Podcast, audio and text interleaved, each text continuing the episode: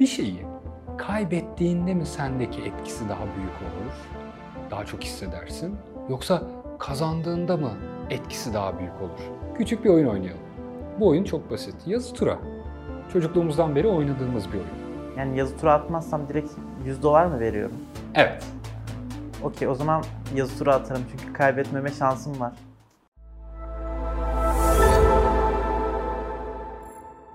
Merhaba dostlar. Ben klinik psikolog Barış Gürkaş. Nasıl Hissettim programının bu bölümünde kaybetme korkusunun psikolojimiz ve yatırım kararlarımız üzerindeki etkilerinden bahsedeceğiz. Bir şeyleri kaybetmek elbette hiçbirimizde çok da hoş hisler yaratmaz. Ancak bundan da öte kaybetmek karşısında yaşadığımız duygular bize bazı hatalar yaptırabiliyor. Mantık dışı davranabiliyoruz. Bu bölümde kaybetmeyi biraz daha farklı bir yerden konuşmak istiyorum. Önce biraz beyin fırtınası yaparak başlayalım istiyorum. Hoş geldin Cenk. Hoş bulduk. Sana bir soru. Bir şeyi kaybettiğinde mi sendeki etkisi daha büyük olur? Daha çok hissedersin? Yoksa kazandığında mı etkisi daha büyük olur? Sanırım kaybettiğimde daha büyük olur. Çünkü düşündüğünde sürekli kötü anıları hatırlıyorum ben genelde. Kaybettiğinde o anda daha kötü hissedersin, anısı da daha kötü kalır diyorsun değil mi? Zihin aslında bir yerde olumsuza odaklanma konusunda bir uzman. Kayıp korkusuyla güdülendiğimiz zaman rasyonel olmayan kararlar çıkarabiliyoruz ortaya. Anlamsız riskler almak, panik satışları yapmak bunlardan bazıları. Bu sadece yatırım için geçerli değil aslında. Sahiplendiğimiz herhangi bir eşyayı, kişiyi, durumu kaybetmek bizde benzer tepkiler vermeye sebep olabiliyor. Bu noktada mantıklı karar vermek zorlaşacaktır tahmin edersiniz ki. İşte tam bu sebeple bir karar almadan önce yapmanız gerekenler var. İçsel süreçlerimize dönmemiz aslında. Yani otopilotta davranmamamız. Harekete geçmeden önce duygularımızı anlamaya çalışmamız oldukça önemli. Bu bize alacağımız kararların ne kadar sağlıklı olup olmayacağı ile ilgili bir öngörü verir. Karar almadan önce bir es vermek, öncesinde bir sakinleşmek bunu kolaylaştıracak. Fakat şimdi başka bir açıdan sana göstermek istiyorum bu durumu. Küçük bir oyun oynayalım. Bu oyun çok basit. Yazı tura. Çocukluğumuzdan beri oynadığımız bir oyun. Bu yazı tura da şöyle. İlk önce seninle bir yazı tura atıyoruz. Yazı gelirse sana 200 dolar veriyorum. Tura gelirse vermiyorum. Ama bunların hiçbirini oynamak istemiyorum dersen direkt bu riski almayacağım dersen de sana 100 dolar veriyorum ve çekiliyorsun. Direkt, Hangisini seçersin? Direkt 100 doları alırım. Çünkü hiç kaybetme şansım yok. Sadece kazanıyorum yani 100 dolar alır giderim. Bunun bir başka versiyonunu oynayalım şimdi. Tekrardan yazı tura atacağız. Bu sefer yazı gelirse sen bana 200 dolar vereceksin. Tura gelirse vermeyeceksin. Ama bunların ikisini de istemiyorum. Yani bu seçeneklerin ikisini de istemiyorum dersen de bana 100 dolar vereceksin. Hiç oynamayacağız. Yani yazı tura atmazsam direkt 100 dolar mı veriyorum? Evet. Okey o zaman yazı tura atarım çünkü kaybetmeme şansım var. Aslında bununla ilgili çok güzel bir araştırma var. Benim sevdiğim bir araştırma.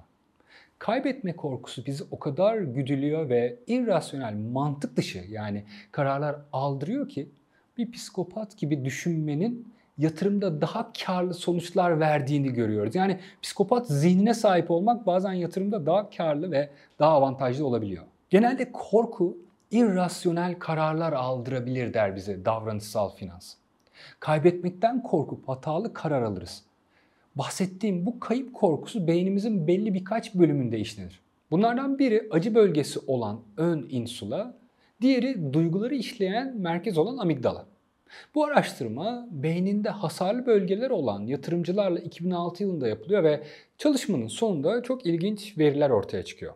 Beyin hasarlı yatırımcıların piyasalarla diğer insanlara göre duygusal olarak çok daha avantajlı olabileceklerini gösteriyor bu araştırma. Çünkü beyninde acı ve duygu bölümleri hasarlı olan yatırımcılar korku duygusunun hakimiyeti altında işlem yapmıyorlar. Bu durumda onların daha rasyonel karar almalarını sağlar. Böylelikle panikle karar almadan mevcut yatırımlarını soğukkanlılıkla yönetmiş oluyorlar. Cenk aslında bu yaptığımız deney, oyun aslında Daniel Kahneman'ın bir Nobel ödüllü çalışması.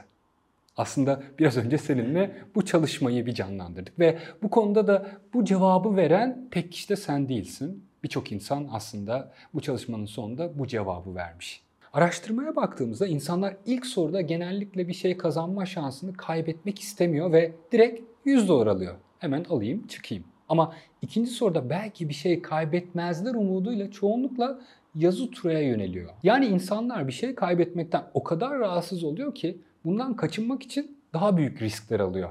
Ve ben oynayayım, tamam şansımı deneyeyim demeye başlıyor. Bu da para kazanmak için çok fazla riske girmezken para kaybetmemek için çok daha fazla riske girdiğimizin bir göstergesi aslında. İnsanlar ilk soruda genellikle bir şey kazanma şansını kaybetmek istemeyerek B seçeneğine yöneliyor. Gördüğünüz üzere dostlar, kayıp korkusu ile güdülenip duygularla hareket etmek bizleri yanlış kararlara götürebiliyor. Aksini yapmaksa birçok zaman doğru kararlar almamızı ve birkaç adım önde başlamamızı kolaylaştırabiliyor. Korku ve panik hali günlük hayatımızdaki kararlarda olduğu gibi gördüğünüz gibi aslında yatırım süreçlerimizde de bizde bozucu etkiler yapıyor. Ve bu bozucu etkiler de bizim para kaybetmemize sebep oluyor. Dolayısıyla bizler belki beynimizi hasarlandıramayız ama beynimizdeki korku alanlarını, amigdalayı örneğin aktive olduğu anda yatıştırmak için egzersizler yapabiliriz. Bazen nefesiniz bunu yatıştırmak için size eşlik edebilir. Bazen farkındalık çalışmaları size eşlik edebilir. Ki birçok yatırımcının bu süreçlerde bu alım satım kararlarını verirken, riskli pozisyonlar alırken meditasyon yaptığını, spor yaptığını, zihnini kontrol etmeye çalıştığını çok iyi biliyoruz. İşte bu noktada her zaman hasar olmasına gerek yok. Bunun tam tersi bir beyin yapısındayken de o alarm durumuna geçmiş beyni yatıştırıp daha rasyonel kararlar verebilirsiniz. Bu konuda daha önceden sizler için videolar hazırlamıştık ve hazırlamaya da devam edeceğiz bu tekniklerle ilgili zaten. Onlara da göz atabilirsiniz. Bu teknikleri kullanarak belki alım satım süreçlerinizde belki riskli bir karar alacakken dikkatinizi bedeninize, nefesinize getirebilirsiniz ve bu çalışmalarla daha da gelişebilirsiniz. Evet dostlar, gördüğünüz gibi sizler için her hafta psikoloji temalı içerikler üretiyoruz. Bu içeriklerden düzenli olarak haberdar olmak için kanala abone olmayı unutmayın. Hoşçakalın.